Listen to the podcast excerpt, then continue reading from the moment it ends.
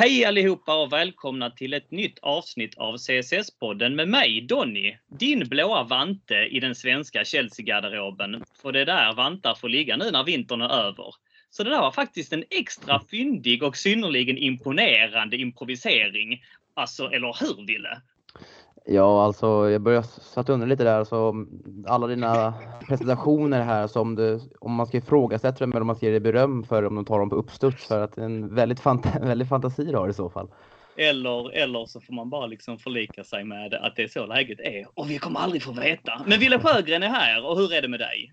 Eh, jo, det är helt okej. Lite småhes, vilket kanske kan höras. Men uh, utöver det är det bra trots förlusten igår. Ja, ja, ja, så är det. Och eh, småhes är det minsta problemet vi har, känner jag i så fall. Men bollar samtidigt över samma fråga till Mattias Henriksson som också är här idag. Eh, som vanligt behöver vi en glad smålänning att luta oss, luta oss mot en dag som denna, eller hur? Ja, jag håller med. Det, det är lite det jag är här för att balansera upp det. Mellanåt känns det som. kan bli lite väl gnälligt annars. Men allt bra med dig då? Ja, det är bara fint. Givetvis hade man önskat på en annan utgång igår. Så att, eh, men vi tar nya tag här nu hoppas jag. Ja, men så är det. Så är det. Och så är det ett speciellt avsnitt som vi har taggat eh, extra för. För förutom de nyss nämnda herrarna har vi även äran att ha en gäst med oss på tråden idag. Och det är inte vilken gäst som helst, utan journalisten, experten, CSS-profilen och kanske viktigast av allt, min vän Fredrik Pavlidis är här. Hur är det med dig en dag som denna? Vilken, eh, vilken strålande eh, snäll, eh, vänlig, varm introduktion. Det är ganska bra idag måste jag säga, trots smärtan från igår. Den har, om inte lagt sig så i alla fall upplever jag den som uthärdlig, för det var väl inte helt oväntat. Nej, det är ju tyvärr det spåret jag är inne på också. Alltså, det är klart att det var störigt och det är klart att vi inte ville ha den utgången. Men ja, det blev som det blev och helt ärligt så känns ju Liverpool fruktansvärt starka, vilket tar emot att säga. Men vi ska gå in på det lite senare för att jag tänkte presentera agendan innan vi slänger oss in i det hela. Och vi börjar alltså i Liverpool och försöker ge oss på en analys av matchen med en snabb recap. Vi ställer oss frågan om det var fel lagut laguttagning, om det var fel laguppställning eller om spelarmaterialet helt enkelt inte duger. Och vilka i så fall håller inte måttet? Visst hade vi återigen otur med ännu en ramträff och missade chanser, men som vi var inne på här precis så är det nog svårt att argumentera emot att Liverpool faktiskt var det bättre laget. Um, hur långt efter är vi egentligen Liverpool? Som glada amatörer har vi vänt och vridit på Sarri out-frågan flera gånger denna säsong, men med en expert på tråden ska vi rikta frågan till honom och höra Fredriks take på det hela och mer negativa vindar har det blåst sista tiden. Eh, vi frågar också Fredrik Pavlidis om vi behöver vara oroliga för Chelseas framtid och så försöker vi greppa den tuffa frågan. Vi ska även blicka framåt. Sparta Prag väntar härnäst, men vi har också fyra finaler i, liga, i ligaspelet att spela. Och lite beroende på hur mycket tid vi har så tänker vi gotta ner oss i CSS-podden-gruppen på Facebook, där många relevanta frågor har ställts. Pju! Matigt var ordet. Har vi tagit oss vatten över huvudet grabbar? Ja, det återstår att se. Välkomna till avsnitt 14 av CSS-podden.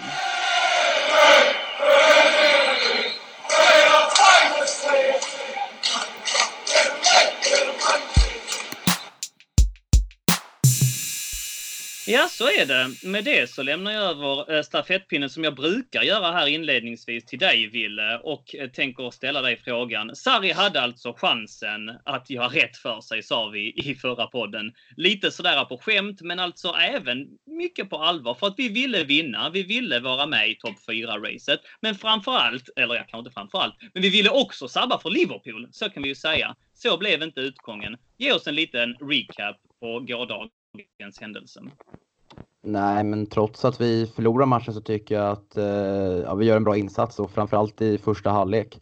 Tycker att vi gör det svårt för Liverpool och har ett par vassa omställningar och lägen där vi absolut borde kunnat göra mål med kanske lite mer kvalitet i, i, i den sista tredjedelen.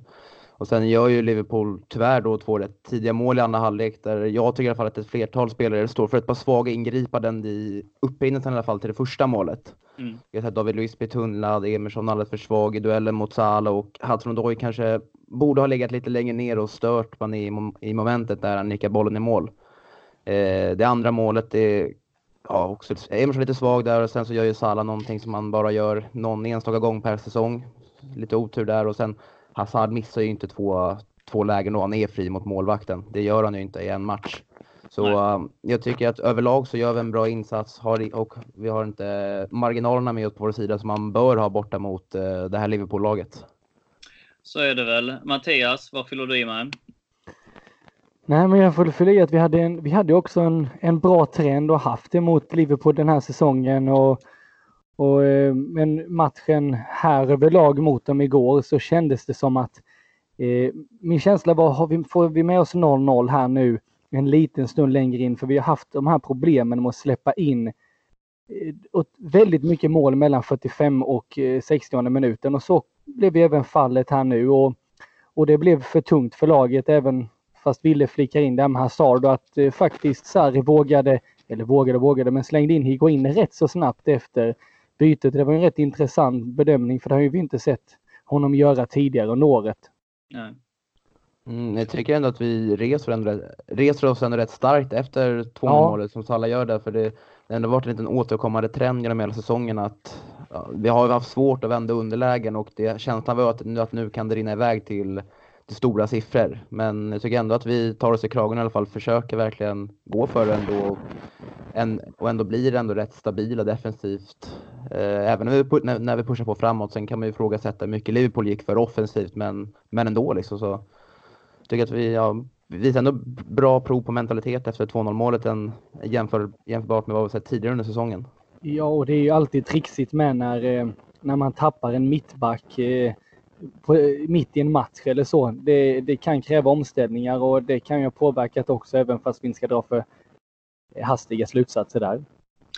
Ja, och jag tycker ni är lite väl snälla nu faktiskt, måste jag säga. Jag eh, tycker att eh, helt ärligt, och jag brukar ändå ta laget mest i försvar känner jag ibland. Men, men alltså det var 15-6 i, i skott. Det var 7-3 i skott på mål. Det var 62-38. Jag tyckte Liverpool var klart bättre. Visst, med, med lite marginaler med oss hade vi kunnat komma iväg med ett eh, oavgjort resultat.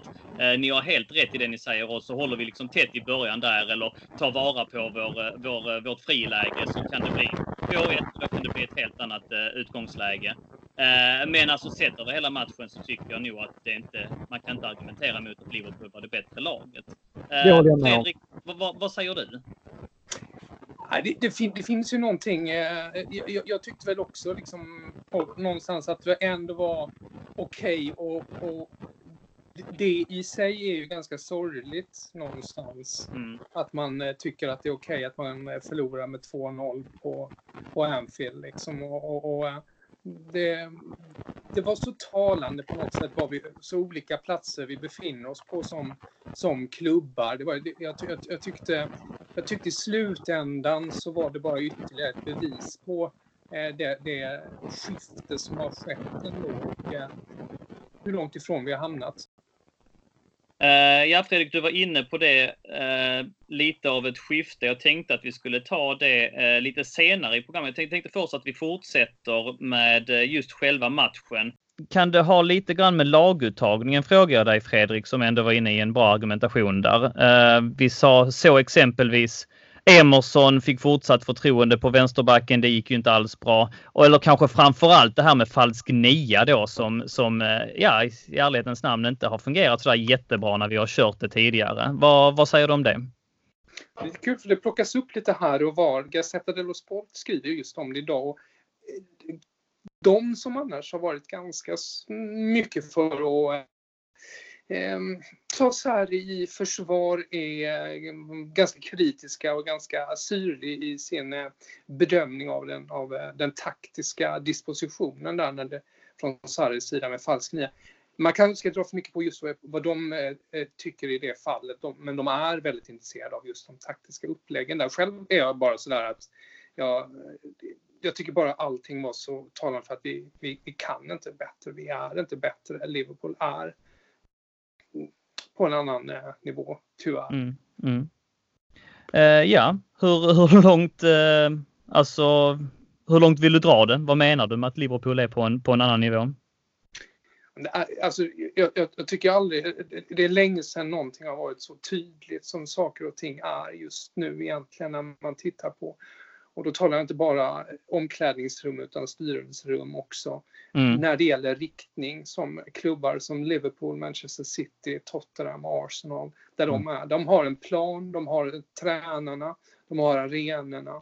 De har strukturen, de har varvat eh, på ett sätt Eh, om vi tittar liksom på Chelsea. Man United är också ett stort frågetecken också. Båda klubbar för, för övrigt utan sportchefer då.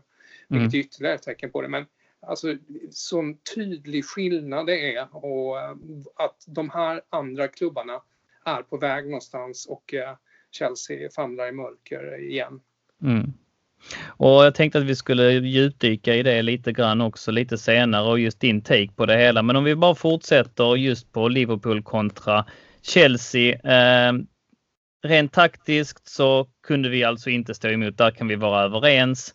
Eh, jag har ju när vi har pratat tidigare om fel laguttagning, fel spelsystem, tränarfrågan och så vidare, så har vi ofta lyft också i den här podden att alltså just spelarmaterialet. Och igår tyckte jag att det var tydligt, som du är inne på också, att det är lite det var skillnad på lagen helt enkelt. Och att dra parallellen mot spelarmaterialet är ju inte jättesvår. Va? Vi såg igår Emerson som jag sa bedrövlig. William verkar ha passerat bäst före datum. Han stannar upp spelet och har inte haft en bra säsong.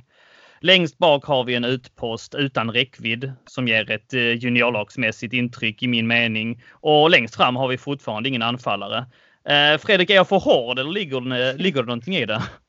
Det? Tyvärr ligger det ju en del i det. Jag, alltså, jag vill ju gärna ha eh, jag vill gärna tro ändå att, eh, att det finns någon eh, de Gea i, i Kepa. Men, ja, det vill ju jag också. Ja, men, ja, men ja, frågetecknen kvarstår väl lite där. Och, eh, framåt, det, det, är ju som katastrof. Higuain alltså, det är så katastrofalt och så mycket Chelsea samtidigt. Mm. Det, det, det, det, är så det funkar. Och sen, sen, så har vi ju, sen har vi ju de andra problemen också. Fler då, förutom de du inte nämnde förstås med, med Alonso och även Aspilicueta som, eh, som inte är... Uh, Alonso är väl nog alla överens om, men Aspilicueta har ju också tappat mycket tycker jag.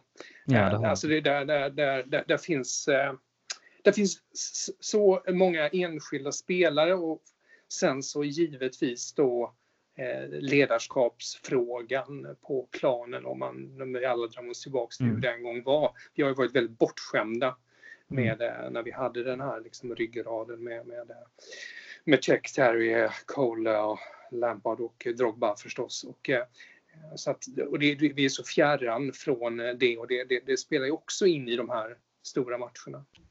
Visst är det så. Finns det någon eh, vi vill lyfta fram, Ville, från igår som eh, faktiskt gjorde det bra nu när vi har tagit fram bandsågen här? Finns det någon eller något vi kan lyfta fram från, från igår? Eh, ja, men någonting jag var lite inne på lite förut, men någonting som, någonting som vi har sagt till de andra matcher där vi hamnat underläge så jag är så tycker jag att det såg mycket bättre ut än att vi inte gick ner oss totalt. Mm. Eh, sen eh, jag tror angående startelvan så, så tror jag ändå att det var den som många ville se från början. Och eh, jag tycker att eh, Ruben Loftus-Cheek tycker man kan lyfta fram i den här matchen. Tycker att han var rätt bra där på mitten. Mm. Eh, Jorginho tyckte jag inte var något fel på Den heller. tacklingen han ger eh, Van Dijk, eh, världens bästa mittback, mm. Eh, den, den, den lever ju kvar i minnet lite grann. Ja men precis. Han visar ju han visar att han har i sig liksom. Eh, och eh, man, börjar, man börjar se att han, får, att han får ut det mer nu när han får spela oftare.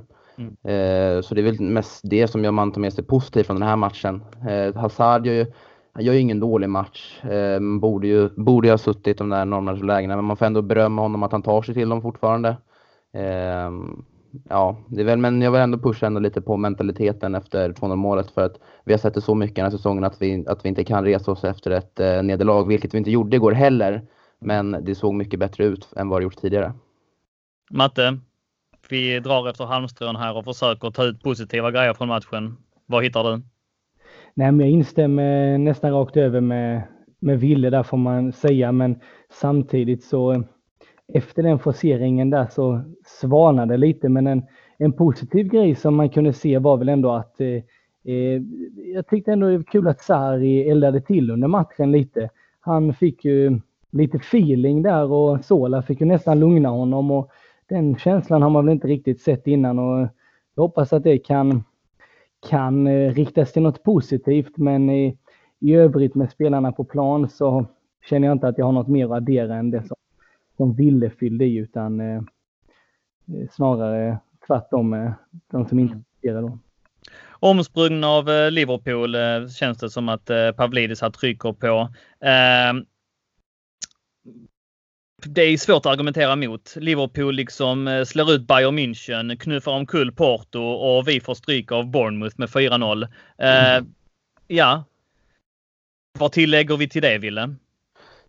ja, vi tillägger ju då det som Fredrik var inne på här förut, att de har en annan struktur i klubben och de har en tränare som har fått jobba med Eh, med laget i eh, flera säsonger medan Sarri är rätt eh, ny, ny på, på posten samtidigt som att Alltså, Chelsea, Chelsea är ju inne i en, en, en, vi har pratat mycket om det här att vi, att vi har varit en, def, en eh, defensivt stabil klubb och som ska nu ändra, ändra spelsätt totalt från tidigare tränare och hur det har sett ut de, ja, de, senaste, de senaste eh, åren. Ehm, så Liverpool är flera, flera steg längre fram och eh, det är det de drar nytta av. Ja, lite tidigare, förra säsongen med Champions League-finalen där och en, tillbaka i Champions League. Eh, och eh, den här säsongen där de verkligen utmanar Manchester City om en ligatitel.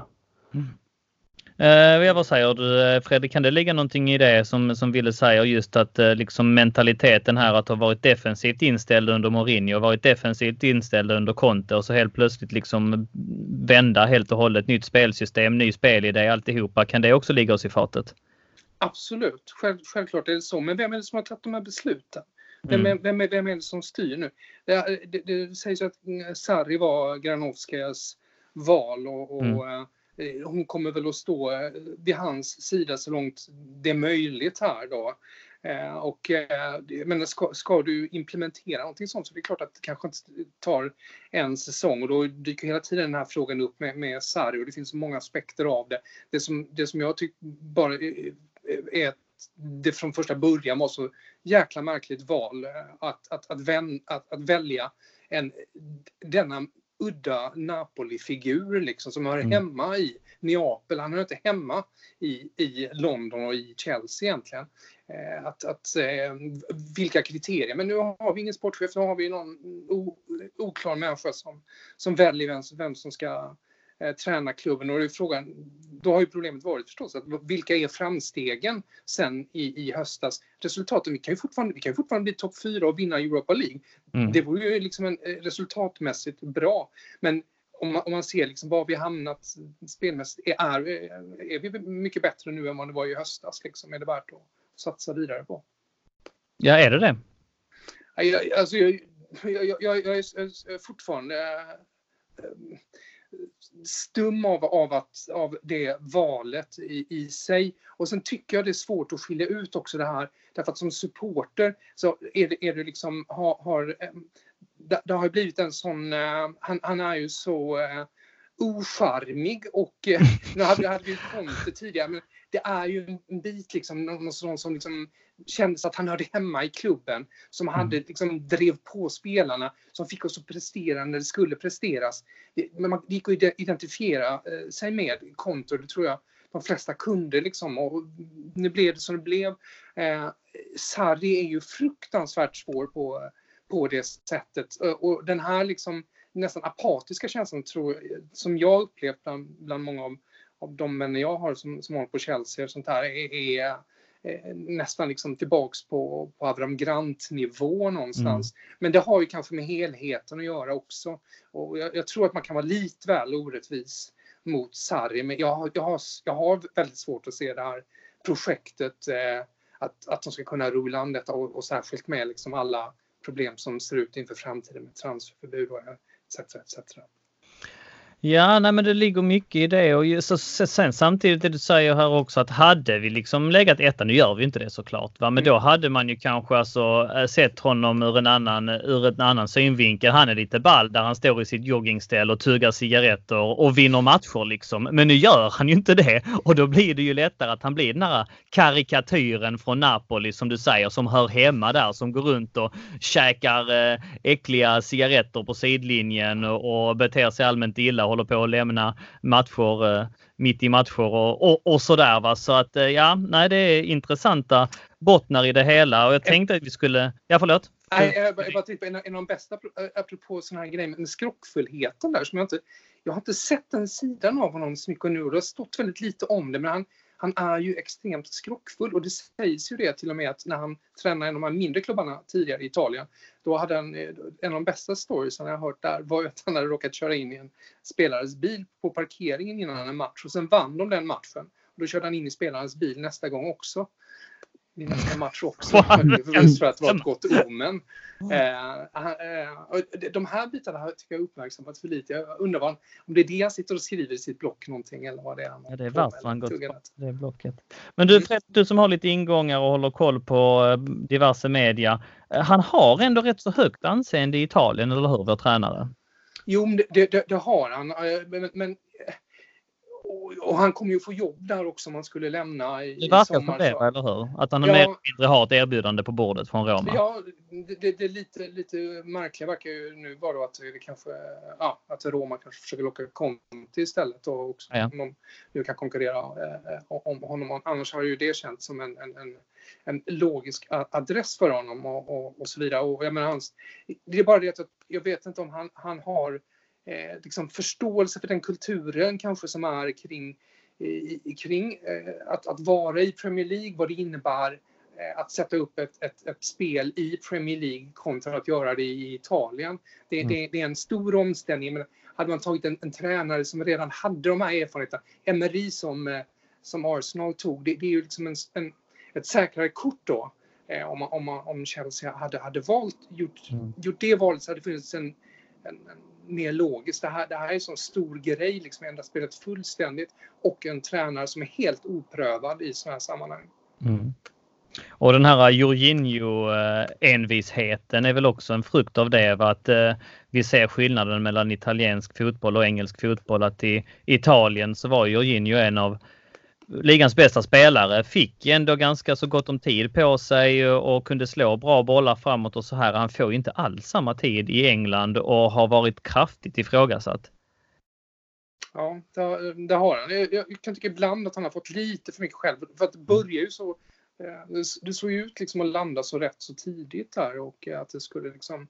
Eh, men nu har han ju blivit någon slags symbol för den här eh, misslyckade Sarri-boll mm. då. Mm. Jag, jag, jag, ser ju egentligen, ja, det är så många andra bitar där kring, kring värvningarna förra sommaren och mm. de, de tidigare, ja, överlag de senaste somrarna jämfört med de andra toppklubbarna i England. Att, att det bara är en, en liten, liten del i det. Men då ställer vi oss frågan då eh, som vi har diskuterat. Både jag, Matte och Ville har ju fått adressera det här i podden eh, flera gånger under hösten och, och våren. Sarri out, yay eller nej? Fredrik? Eh, eh, yay. Du ser ingen framtid med honom? jag, jag, jag, har, jag har förtvivlat svårt även om nu, nu är det ju lite liksom känns det ju som att eh, det, det, har varit ett lyft. Men, men det är också det här för att det spelat på supportersträngen att det varit mer tid för Loftus Cheek och eh, mm. Hudson Odoi och det har, det har sett li, lite, liksom, lite fartigare ut i några, några matcher. Men mm. eh, jag vet inte, det, det, känns som att problematiken kvarstår men, men eh, han är inte det största problemet långt därifrån. Mm. Det, är, det är klubbledningen. Um, det är nästa punkt på agendan, men jag tänkte att Matte och Ville skulle få lägga in sina, sina åsikter om de nu har förändrats. Vi börjar med dig Matte den här gången. Börjar du vackla lite grann på Sarri och hans framtid? Vi måste ändå också komma ihåg att fram till Liverpool så hade vi ändå fyra raka vinster, tre raka vinster i ligan.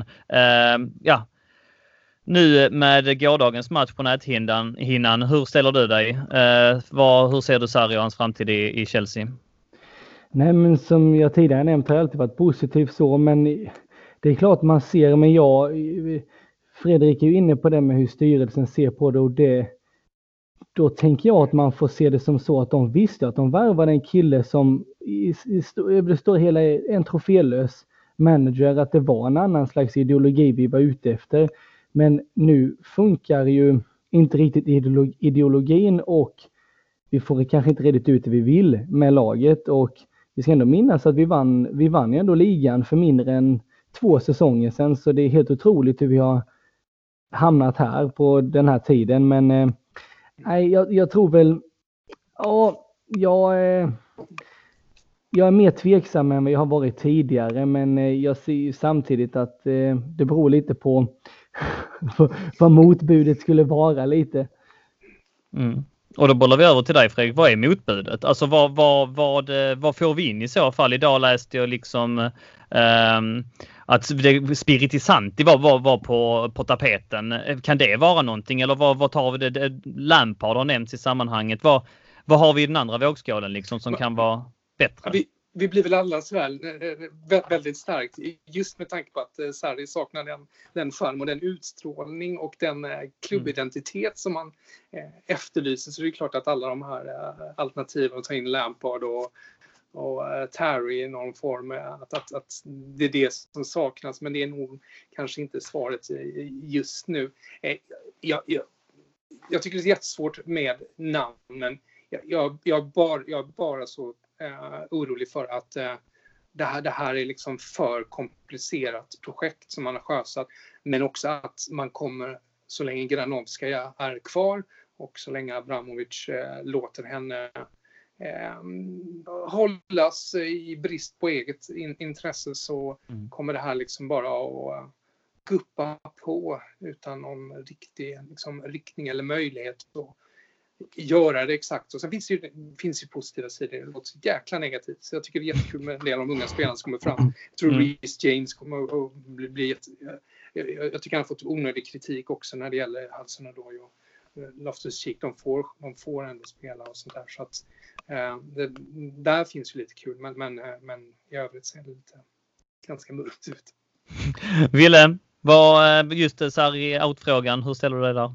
Eh, också lite tvetydig där för jag tror att han inte kan ta den här truppen vi har idag tror jag inte han kan ta till, eh, till högre nivåer än vad, han, än vad den är just nu. Mm. Så med ett, eh, skulle vi då åka på det här transferbudet att vi inte får värva i sommar så, så då är jag mer ut på, inne på Saraut-sidan men man ändå, det kliar ändå lite i att man vill se honom, eh, alltså att ändå se klubben göra en satsning och eh, och eh, köpa in ja, lite bättre spelare och se ändå vad, vad Sarri kan göra med dem.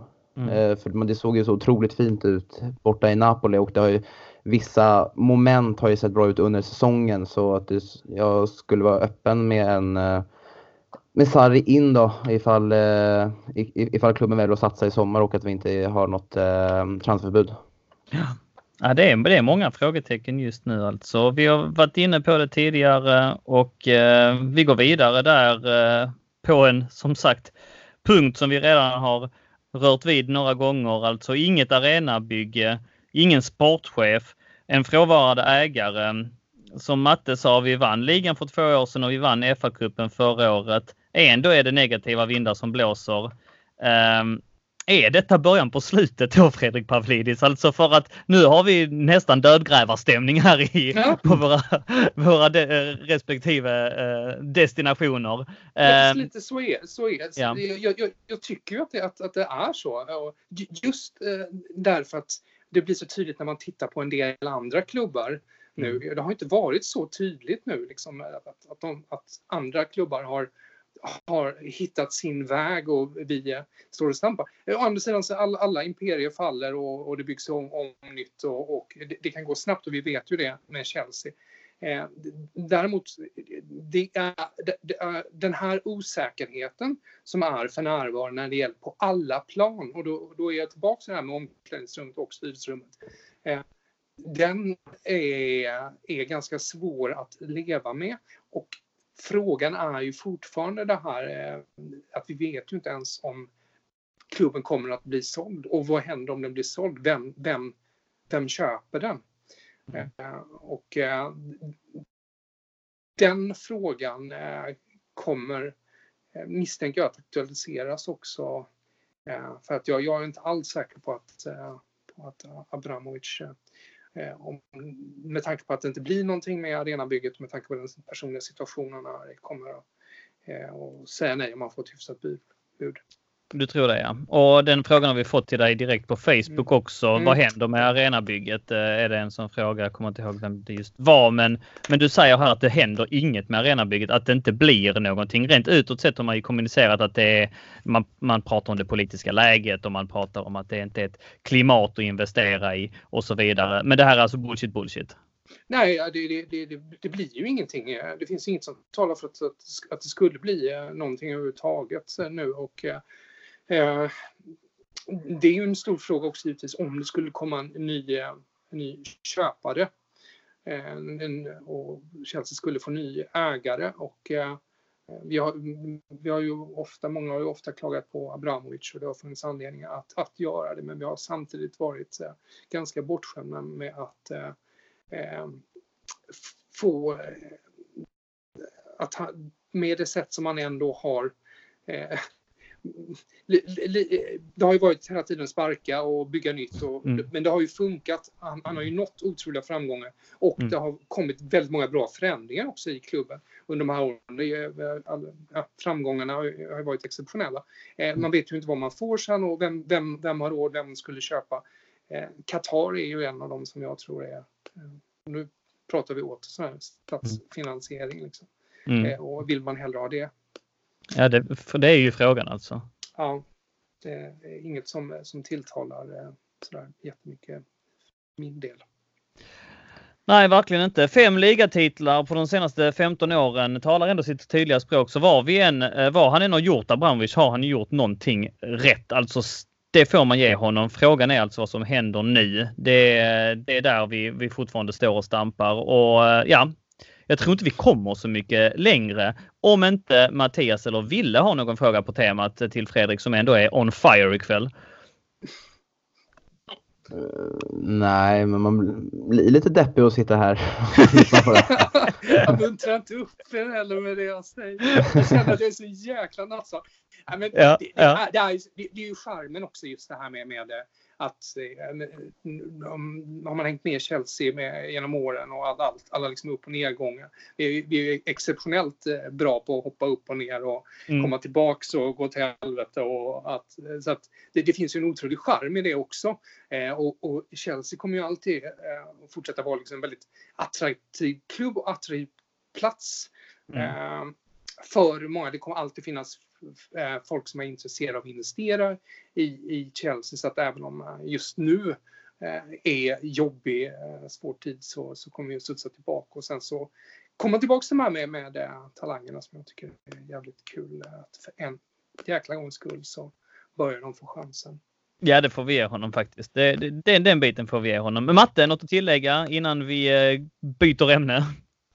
Ja, men jag tänker ändå så här eh, Fredrik att eh, eh, vissa lag har ju verkligen revolutionerats av just sig tränare. Vi kan ändå se i Liverpool vilken nedåtgång de hade med sig Klopp och vi kan ju se ändå ja, gulden har inte kommit, men ni är med på vad vi menar och även Tottenham med en identitet under Pochettino och så vidare. United tappade sin identitet utan, utan sin ledare i Ferguson.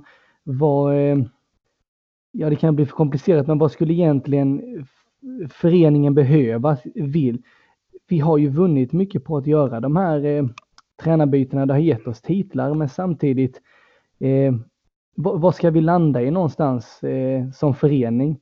Ja, det är, är jätte, jättebra och, och, och så fruktansvärt svårt att säga för att jag, jag tror att vi alla, vi alla vill väl någonstans att man ska hitta en, eh, och där kan man ju tyvärr då kasta lite avundsjuka blickar då på en del andra klubbar att man har hittat någon tydligare identitet och en, en långsiktig plan.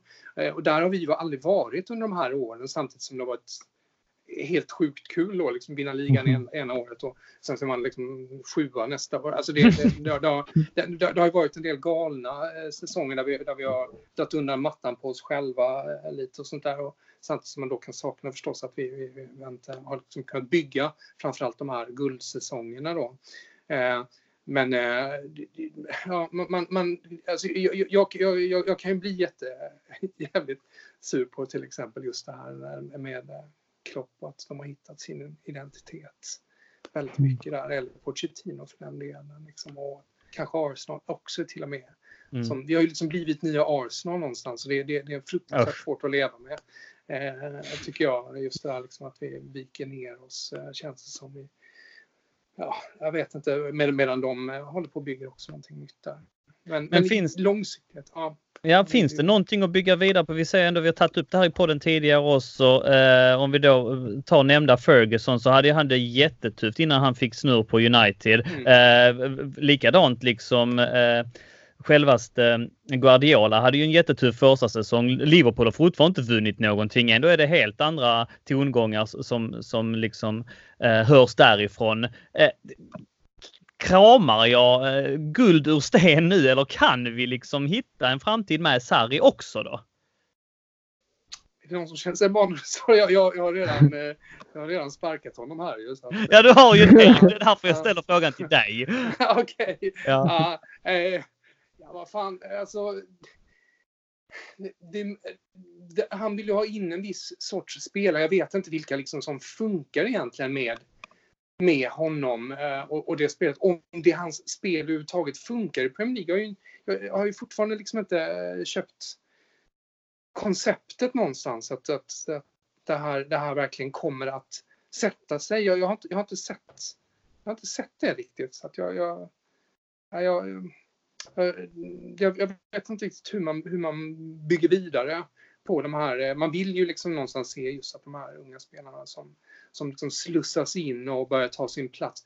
Loftus Cheek kommer ju att göra det om hans rygg håller. Jag tycker det är helt fantastiskt. Han är precis rätt ålder nu också. Mm. Tillräckligt, eh, tillräckligt stabil. Jag vet inte om han kommer bli en världsstjärna men han, han, han är liksom en, en startelva-spelare nu på, på allvar. Alltså då är, är fortfarande lite valpig men, men, men eh, alltså att, att, att lyckas få in de här bitarna är, är, känns ju eh, jätteviktigt. Och där åkte giljotinen ner både på Sarri och eh, på samtalsämnet. För att vi blickar framåt nu alltså. Viktiga matcher väntar. Eh, vad som slog mig i första mötet mot Slavia Prag var att det var ett väldigt välorganiserat lag med en matchplan. Och nu möter vi dem igen på torsdag. Eh, ville, i synnerhet med det här samtalsämnet tillbaka eh, i, i ryggen, Mm. Eh, den här matchen tar vi inte på liksom, tar vi inte och går in med, med föreställningen om att vi bara liksom totaldominerar dem, eller vad säger du? Eh, alltså det borde vi ändå göra på hemmaplan, mm. eh, tycker jag. Men eh, sen är ju, är frågan också vilket lag Sarri kommer att mönstra med tanke på att eh, vi, vi, är ett väldigt hårt match, eh, matchen just nu och man kanske då kommer försöka spela på det här resultatet som vi ändå lyckades skrapa ihop då på bortaplan. Eh, men som varit inne på eh, förra gången så är, har ju eh, Slavia Prag fällt, fällt andra bra lag genom turneringens gång och Sevilla bland annat där som ändå har prenumererat på ett par Europa League-titlar förra åren så att de, de, någonting har de gjort rätt även på bortaplan. Så det kan ju bli en, det kan ju bli en tuff fight men på pappret så ska vi bara, ska vi bara vinna det här. Men jag tror också mycket beroende på hur Sarri väljer att möta laget och det, man, det kan ju bli nu så att eh, i och med Rydegers skada här mot Liverpool så kan vi kanske få se en Gary Cahill i alla fall och kommer troligtvis vara med i matchtruppen kanske. Mm. Eh, kanske helt och hållet kanske aspirerar då på en startplats, sjukt nog. Eh, mm. tanke på att han inte ens varit i truppen sedan i november läste jag. Ja. Eh, så äh, det, det, det kan bli lite darrigt men eh, jag tror ändå att eh, vi kommer nog eh, ta, det till, ta det till slut ändå. Hur bör man ställa upp? Enligt mig, mm. då tycker jag att eh, det är svårt här nu med situationen med Marcus Alonso och Emerson faktiskt med tanke på att Emerson inte såg så bra ut mot Liverpool. Nej, med tanke på att båda två är lika dåliga verkar det som. Precis, så att eh, förut har man sett en tydlig rotation men mm. eh, det är svårt. Men eh, ja, alltså spelar vi både, visst vi har ändå rätt tacksamt med eh, Burnley på måndagen där. Mm. Eh, så man kanske borde kunna ställa upp både David Luiz och Christensen och sen en Aspelekueta springer ju som man, han behöver man inte tvivla på. Eh, Emerson, Alonso vågar jag inte svara på, eller vill jag inte svara på heller. Eh, men sen tycker jag bara Jorginho, kanske Kovacic går ner där, Kanté kommer väl spela. En Barkley kanske får se till vänster och sen Pedro kommer garanterat starta tillsammans med eh, Giroud eller Higuain. Och sen får vi se vem som då får den här sista platsen. Hudson gick ju ut rätt tidigt Mm. Eh, och jag tror inte Sarri Men, men helt... måste säga eh, ändå, ändå korrekt faktiskt, för han var inte bra mot Liverpool. Alltså. Nej, precis. Eh, exakt. I det bytet måste jag säga. Nej, jag håller helt med. Och tänkte säga, och, eh, han var nog inte helt nöjd med hans insats mot Liverpool där, så då kanske han väljer att istället, att, att uh, istället matcha honom mot Slavia Prag istället för mot, mot Burnley. Även ja, fast Slavia Prag-matchen är, är viktig. Precis, han har ju lite sån taktik att han uh, kör lite grann B-uppställningen i Europa League. Man vet lite grann vilka som kommer att spela i, i nästa viktiga Premier League-match när man ser laguttagningen i Europa League. Matte, Slavia Prag, ska vi vifta bort dem och viftar vi bort dem på torsdag? Eh, vi ska väl inte vifta bort dem eh, så, men jag tror vi kommer att slänga iväg dem. Men han var ju minst sagt eh, negativ vid deras tränare Jindrich efter eh, matchen senast. Att eh, de brände egentligen sin chans att vinna i Tjeckien. Mm. Eh, även kollat lite här, deras match. De hade ju spelat även de igår. Slavia kunde säkra guldet mot Sparta Prag, men fick ju bara 1-1, så de har ju inte vunnit serien heller när de kommer in i, till matchen mot oss. Fast att, fast att marginalerna är fem poäng på två matcher kvar då, men allt kan hända. Eh, så eh, de, de kan ju inte lägga fullt krut på det här eh, heller, eller vad man ska säga. Jag tror ju vi, att det blir avgörande Alonsos mål borta, att vi, att vi tar dem för att så vi underpresterade senast, där kommer vi inte landa en, igen och ändå lyckades vi vinna trots att de, de gjorde en, en klart godkänd insats och mm. emellanåt bättre. Så mm nej, jag känner ingen, ingen oro inför det mötet faktiskt eh, så utan att säga att vi, vi kommer inte liksom spela ut dem. Fredrik, alla ägg i Europa League-korgen? Ja, det blir ju så lite. Det är ju, det är ju vår chans helt enkelt och Slavia Prag ska ju givetvis dammas av. Det, det, har 1-0 från bortaplan så, så ska man ju inte... Det finns ju inte att man, man tappar det faktiskt. Eh, och utan att försöka jinxa någonting här. Men, men det, det ska ju bara vara så. Och, och eh, sen så eh, sen är det väl, eh, känns det ju som att ja, det, det, det, blir ju väldigt tajt sen om man om då förutsätter man går vidare därifrån och hur man kommer att ja, matcha lag framöver sen. Jag, jag, jag antar ju som, som vi var inne på det med, med, med, med att Kristensen får chansen här om, om eh, att spela in sig ordentligt igen om Rydiger. Jag vet inte om det är sagt någonting hur länge han blir borta. Här, men... Inga rapporter. Jag försöker leta fram någonting här under dagen, ja. men inga, inga, inga rapporter alls. Nej. Ja, Kristensen behöver liksom den, verkligen den tryggheten där. Eh, men, ja, men, mm. alltså Kristensen och David Luiz, det känns ju inte betongsäkert direkt. Nej, det, det gör ju inte det riktigt och är ju inte det så att, eh, det känns som att de bör starta det. Men fyra finaler spelas sen i Premier League alltså. När det, det är fyra matcher kvar. Burnley på måndag och så sen då eh, till nästa helg säsongens viktigaste. Fan Burnley på måndag. Det betyder att vi inte kan spela in podd på måndag. Men kommer jag på här precis.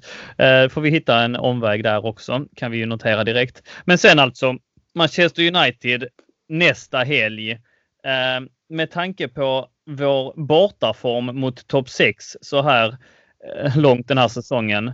Så eh, där har vi ju säsongen, eller hur Fredrik? Ja, det, det, det, det får, man, det får man väl säga. Eh, alltså, jag, jag, har så svår, jag har så fruktansvärt svårt att se eh, hur, hur, vi skulle liksom, ta oss in eh, i topp 4. Eh, givetvis, jag menar, vinna samtliga matcher och, och men, men eh, nej, jag, jag, jag, jag, jag, går all in på Europa League. Det, det är den enda möjligheten som jag ser det. Det, finns givetvis chanser, men jag, jag, har, jag har gett upp där. Det är så ja. Ja, jag har gjort det lite efter, efter matchen. Ja, ja äh, grabbar. Äh, matte. Äh, du brukar ha lite positiva äh, tongångar. Klarar vi detta? Fyra matcher kvar i Premier League. Vad säger du? Ja, alltså det som talar till vår fördel är ju att de andra tenderar ju att förlora på samma vis mot oväntat motstånd, precis som vi gör. Mm. Eh, och eh, det tror jag, ja, döma ut det på något vis. Alltså jag tycker ändå, vad är det vi har kvar? Vi har Burnley, Leicester och Watford, alltså trots mm. United. Är den lyckas vi vaska in en tre, tre segrar där, då, då är vi med. Jag menar det, nej, ja, hårfint alltså, men eh, jag får ju säga fyra då med, för att täcka upp att ni kommer säga att vi kommer utanför där. ja, du får väga ut. Det är, ja, det är bra. Behövs. Jag, jag målar upp mina dystra scenarier här när vi hamnar sexa som Dystra scenarier som du dock har fog för att liksom se. Ja, det kom tia för några år sedan. Ja, mm. jo. Jo, mm. så är det. Så är det. Eh, I eh, denna stund där vi pratar så spelar alltså Arsenal, men eh, innan de slängde sig in i den matchen så var de ju alltså på 63 poäng fast med två matcher mindre spelade och tre poäng upp till oss. Och i detta nu så fibblar jag med telefonen och konstaterar, just det, den matchen börjar ju i detta nu så att vi vet inte mer än, eh, än laguppställningen. Eh, Ville, något att tillägga om de avslutande matcherna, om Europa League, om ligan och eh, hur utfallet blir? Nej, men det känns ändå som att eh, Europa ligger har största chans, även fast jag tror att topp 4-racet kommer ändå leva in i sista omgången, att det kommer finnas en teoretisk möjlighet att vi kan ta topp 4-placering. Eh, men eh, ja, som du säger där, Arsenal två matcher mindre eh, och bara tre poäng bakom. Tottenham en match mindre med en poäng före. Och eh, sen så talar våran bortatrend mot eh, de topp 6-lagen lite emot oss där i United-mötet. Eh, men jag väljer ändå alltid att hoppas på att vi ändå kommer slås in där i topp 4. Men eh, Europa League känns eh, det känns eh, som en eh, betydligt större sannolikhet att vi kommer ta, ta det via där. Mm. Är det någonting Ville som talar för att vi kan vinna mot United borta med tanke på vårt... Alltså vi har förlorat mot Tottenham med 3-1. Vi har förlorat mot Arsenal med 2-0. Vi förlorade mot Manchester City med 6-0 och vi förlorade mot Liverpool med 2-0. Vi har ett uselt bortafacit mot starka lag som sagt. Finns det någonting som talar för oss mot Manchester United? Eh, ja, det som kan tala för oss är att Manchester United har ju sett rätt, eh, rätt eh, dåliga ut den senaste tiden och de har ju också ett inställt spelschema nu med Barca i veckan och sen har de ju City innan de möter oss. Eh, så att de, de kommer vara tvungna att ställa upp bästa möjliga lag i båda de här mötena och de är relativt skadedrabbade. Eh, så det är mest det som talar, talar för Chelsea. Men mm. eh, ja, man hoppas bara att eh, Starry kan motivera laget rätt här nu. För det har han ju bevisligen inte lyckats göra mot de andra topp 6-lagen borta. Och det får knyta ihop den säcken helt enkelt. Vi hade en eh, omröstning på CSS-podden-gruppen på Facebook där jag frågade vilken längd som var bäst passande för oss och det var ganska Eh, talande att de flesta tyckte att vi skulle hålla avsnitten runt en timme. Så att det får vi försöka omfamna och försöka hålla. Just idag när vi har en speciell gäst så tycker jag inte att det gör någonting när vi är fyra att vi drar över lite grann. Eh, men det betyder också att vi måste ge rum för lite lyssnarfrågor och eh, det är den tiden på eh, i avsnittet som trillar in just nu alltså. Och eh, jag börjar med Oskar Karlström. De flesta frågorna här är såklart riktade till dig Fredrik. Vi kan gärna fylla in, men eh, ja, ta ett djupt andetag och var beredd på att prata. Fredrik har ju följt Chelsea mycket på plats genom åren, säger alltså Oskar Karlström, vår förra president och ordförande i CSS. Jag vill höra historier från Europaresor och minnen från stora ögonblick i Chelseas historia, till exempel FA-cupfinalen 97, Stockholm 98 och ligaguldet 2005. Undrar även vilka som är hans bästa och sämsta upplever, äh, upplevelser stämningsmässigt på en Chelsea-läktare. Rätt så matigt, men ja, tugga tag i den du. Um, de, de stämningsmässigt skulle jag nästan säga eh, den jag upplevde, jag var över på fa Cup-finalen 94. Jag sålde alla mina vinylskivor för att ha råd med den här fa Cup-finalbiljetten då. Kostade mig 400 jävla pund och så förlorade de med 4-0 mot Manchester United. Eh, det var det mest smärtsamma jag varit med om också som, som ja. fattig student här. Jag hade varit och kollat semifinalen mot Luton då. Men den första halvtimmen av fa Cup-finalen 94 när man äntligen kände att nu, nu äntligen var det dags för Chelsea att, vinna en titel. Och den, liksom, den känslan som var och Chelsea spelade jättebra den första halvtimmen. Och mm. hade ribbskott och, från Gavin Peacock och allting det där. Där var, där var verkligen något, något oerhört magiskt i, i den stunden och sen så gick allt åt helvete. Men, men sånt, sånt är, är, är livet. Vilken arena var det på? Den var på Wembley. Ja. Gamla, gamla Wembley alltså då för Precis. våra unga lyssnare. Exakt och då hade, hade, man ju spelat, märkligt nog kan det låta nu i dessa tider, en fa Cup semifinal mot Luton då. Ja. Där, där dessutom Carrie Dixon spelade då. Vilket Ah. också var ännu, ännu mer udda. Eh,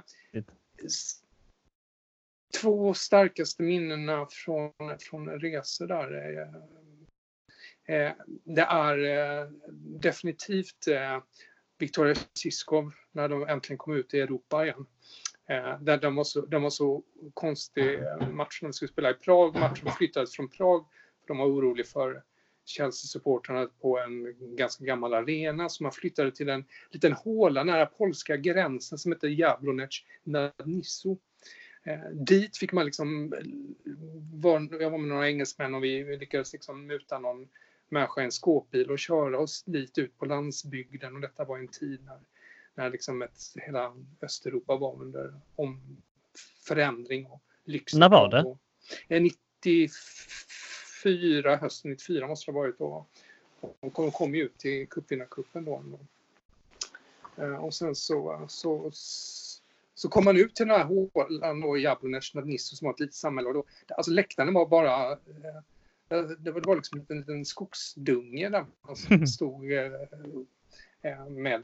Och det var ett par tusen Chelsea där som hade hamnat, på något sätt lyckats ta sig ut dit. Och det enda hotellet som fanns där då, eh, där var ju alla Chelsea-spelare, alltså där hängde ju alla supportrarna då och Dennis Wise de satt och spelade kort och sånt där. Jättemärklig upplevelse, jättefascinerande. De, de, alltså de här udda resorna är ofta de, de roligaste. Brygge var värsta för min del. För jag blev, eh, det var, då var Chelsea portade. De fick inte bo i Brygge. De var oroliga för att det skulle bli stökigt. Alla skulle bo i Ostende. Och andra ställen då. Det var väldigt mycket Chelsea som åkte dit och väldigt stökigt överlag. Och jag Mm. blev eh, både misshandlad av polis och av eh, belgiska skinheads. Eh, och eh, var rätt eh, sargad när jag skulle ta flyget hem. Sitter på flygplatsen och sitter en, en människa bredvid mig eh, med eh, hela Chelsea-kostym hade han då. Liksom allting liksom i, i Chelsea som berättade att han hade två hundar hemma i Hall som hette Chelsea och FC. Som han älskade att gå i parken med och ropa efter. Då. My- mycket märkliga människor man, man träffar förstås på sådana här resor. Och, eh, Och det här är också mitten av 90-tal va? detta är också, det här var 1995. Den brygge, bryggematchen är, eh, eh, den, den är ju ökänd. Ja, ja Det det väldigt, finns väldigt- Youtube-klipp och sånt och eh, precis på... Ja, och den Ja, var, den var precis så, så jobbig som, Det var det, ja. som man, man kan föreställa sig där också. Då. Men jag, jag, och jag kunde ju bo i Brygge då till skillnad från engelsmännen. Men, men, men, ja, men, men de, de resorna vill man också uppleva någonstans för att eh, få helheten och alla upp och nedgångar och allt roligt. Och tråkigt. Såklart, såklart. Någonting om matcherna som man nämner här Oskar, FA-cupen alltså 97. Det är några år efter så fick vi ju lägga vantarna på den trofén och vi hade ju gått eh, titellösa hur länge som helst då alltså. Eh, Oskar nämner som sagt FA-cupen 97. Här var du där? Nej, jag var inte där. Och, eh, det blev ju en sån där tv-match för mig. Så att det, var, det var inte alls samma känsla för mig där det, som eh, givetvis när vi eh, när man fick uppleva cupvinnaren, cup, eh, tri, triumfen eh, Mm. eh, i, Stockholm. Och så, Men där var du? det, det var ju liksom, ja, där var jag absolut. absolut. Ja. Jag Ja. tror att vi initierade någonting, inte jag eh, personligen nu, men jag tror att det var folk härifrån, om det inte var Harry, också som det här med att man skulle vara på Cheers på en pub där, som i dessa internettiders begynnelse.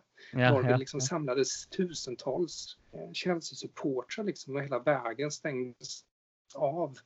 Mm. Eh, eh, för att liksom spred sig. Det var, det, det, det, den, det var säkert många som, som var där och den, den var ju väldigt, väldigt speciell. Nej, fan vad häftigt. Ehm, vi lämnar, jag tycker ändå att uh, Oskar fick svar på sina frågor där absolut. Uh, någonting ni eh, ville lyfta där också grabbar? Ville? Eh, nej, det var väldigt intressant lyssning bara. Ja, eller hur? Om att det är ingenting att tillägga eller? Jag kan fråga dig, rent guldmässigt sådär, vill, har du, eh, ef, eh, vad ska man säga, ett efterskalle av ett guld, har du varit med liksom och eh, i den själva festarrangemanget som har varit efter en slags, du sa det cupvinnarcup eller ligaguld där lite senare. Eh, i det trycket efteråt där. Har du varit med om någon sån eh, grej? Nej, inte, och jag, alltså, jag, jag, jag, vet inte om jag, om jag ska hänga med på sånt. Eh, jag, jag vet, vet, inte om jag bringar så mycket tur med mig. Jag, jag har varit med två gånger bara när, när man, eh, Så att jag var med när, mot Benfica då, jag och i Amsterdam. Eh, som, eh, och, och, eh, och sen så var det här cupfinalcup. Så jag, jag bör kanske hålla mig därifrån. Jag har inte så starka minnen annars av, av just de där, det, har ju ofta, det blir ju ofta tycker jag ändå innan sånt där som man, som man upplever och just under men, men mm. inte, äh, inte i kölvattnet av. Jag har inte varit nära sådär. Jag, som du var inne på, jag har jobbat som journalist och sådär men jag har inte varit i, i Chelsea-sammanhang eh, eh, på det sättet. Eh, så har jag aldrig varit, liksom, jag har aldrig varit akkrediterad på liksom, deras matcher och suttit med på det sättet. Så jag har inte, har inte den närheten. Jag var akkrediterad faktiskt i Brygge, det var också helt bisarrt. Alltså, det fanns inga platser och jag var ganska packad och hade egentligen inte där att göra. Jag kommer ihåg att då de satte mig i en trappa där, satt jag mellan eh, journalister och eh, Chelsea-klack då. Eh, det är en av få gånger jag har varit akkrediterad i, i, i Chelsea-sammanhang. Fantastiskt. Good stuff. Uh, Stefan Torin, eh, jag vet inte om det här är något internt, men det är ändå Stef T så att den får jag ju uh, förmedla. Fråga mm. Pavlidis om han såg straffläggningen i Moskva 2008. Ja. Smiley. Ja. Och så sen så har. Mattias Byman och Stefan Jansson också CSS-profiler gillat den. Så här är det någonting jag har missat. Ja, nej, men jag, det, jag var ju, jag, jag var ju um, det var ju ganska många som åkte dit väl på, på finalen, men mm. jag var väl en av få som gick ut där under straffläggningen. Eh, jag, jag klarade inte av att se den, så att jag stod där ute med ryska soldater där ute utanför arenan. Jag orkade bara inte. Det, det, det var, det blev för mycket att sitta och titta på, på mm. straffläggningen. Då, så att jag såg ingenting av det. Jag stod där ute i regnet och bara försökte förstå av jubel och så vidare hur, hur, hur det gick. Och sen såg jag, jag såg ju aldrig, jag hade ju inte sett John Terrys straff eh, förrän ja, något, för något år sedan här. Eh, så att alla år alltså, har du har undvikit helt, det alltså hela tiden? Jag har undvikit alltid, alltid undvikit den. Men jag råkade trilla över i något program så, där, så jag såg det som hastigast innan hann byta. Men, men jag har inte sett liksom, straffläggningen fortfarande och allting. Så att jag var där men jag var inte där. Liksom, så att, ah, ja. Men det är nog eh, eh det förstås han eh, syftar eh, på. Ja, det är jättesjukt. Själv har jag sett en straffläggning. Jag tror jag sett den hundra gånger. Jag vet inte vad det är med mig. Varför gör jag det? Alltså det är, alltså det är bara, bara liksom plåga mig själv. Jag vet exakt vilka som la straff och hur nära liksom eh, både Lampards och Ashley Coles straff är att inte gå in och sådär. Vilka marginaler det är. Nåväl. Ja, eh, det är fler frågor till dig här Fredrik innan vi får börja runda av. Mm. Jag tänkte vi tar två stycken till. Uh, nej, men det här Josef Långberg har vi redan hört. Fredrik Pavlidis tankar kring arenabygget. Uh, men i och för sig, han, han mm. säger också hypotetiskt, vad skulle Fredrik sakna mest med gamla Stamford Bridge? Kan man få samma täthet och närhet i en arena som tar 19 000 fler? Och du, har du alltså, några egna tankar då? Uh, ja. Hur, ja. Alltså de bilderna från den tilltänkta arenan, det de hade ritat upp, eh, inte minst liksom arkitektoniskt. Jag, jag tyckte den, den, var helt fantastiskt eh, tilltalande. Ja, katedralaktig, något helt mm. annat än, än dessa mm. stora jävla malls som alla bygger nu för mm. tiden. Nu, nu verkar, ser ju Tottenham jättefin ut från insidan då, stämningsmässigt allting verkar de ha liksom lyckats med akustik. Men, men om man ser just i själva arenan. Och bevara eh, ska säga, den, någon slags yttre identitet eller stärka den så såg ju den ut att gå i, liksom i stil med de här gamla murarna som var där och allting. Det ser mm. så jätte liksom, tilltalande ut på det sättet. Så att för en gångs skull så var jag, eh, så, så, kände jag eh, tilltalade mig verkligen. Att, mm. eh, med, med, med en, eh, en, en, ny arena. Jag tycker de flesta ser för jävliga ut nu för tiden. Mm. Men det blir ingenting med det, för det har du redan avslöjat. Så att den kan vi bara ta och glömma. Så att, ja, tack för det utlägget. Men, ja, tack. Thank you for nothing. Robin får avrunda tillställningen här. Han ställer en lite snällare fråga som vi kan avsluta med. Tycker ni att vi borde släppa Hazard och ta pengarna eller, eller hålla honom ett år till och låta honom gå gratis? Och den här får du också bita tag i Fredrik, för att vi mm. har att, eh, oss trötta om Hazard fram och tillbaka. Här. Nej, det kan man inte göra. Men vi har, vi har alla lagt in vår åsikt och eh, ja, vad vi tycker om den biten. Så, så ja, ta vid.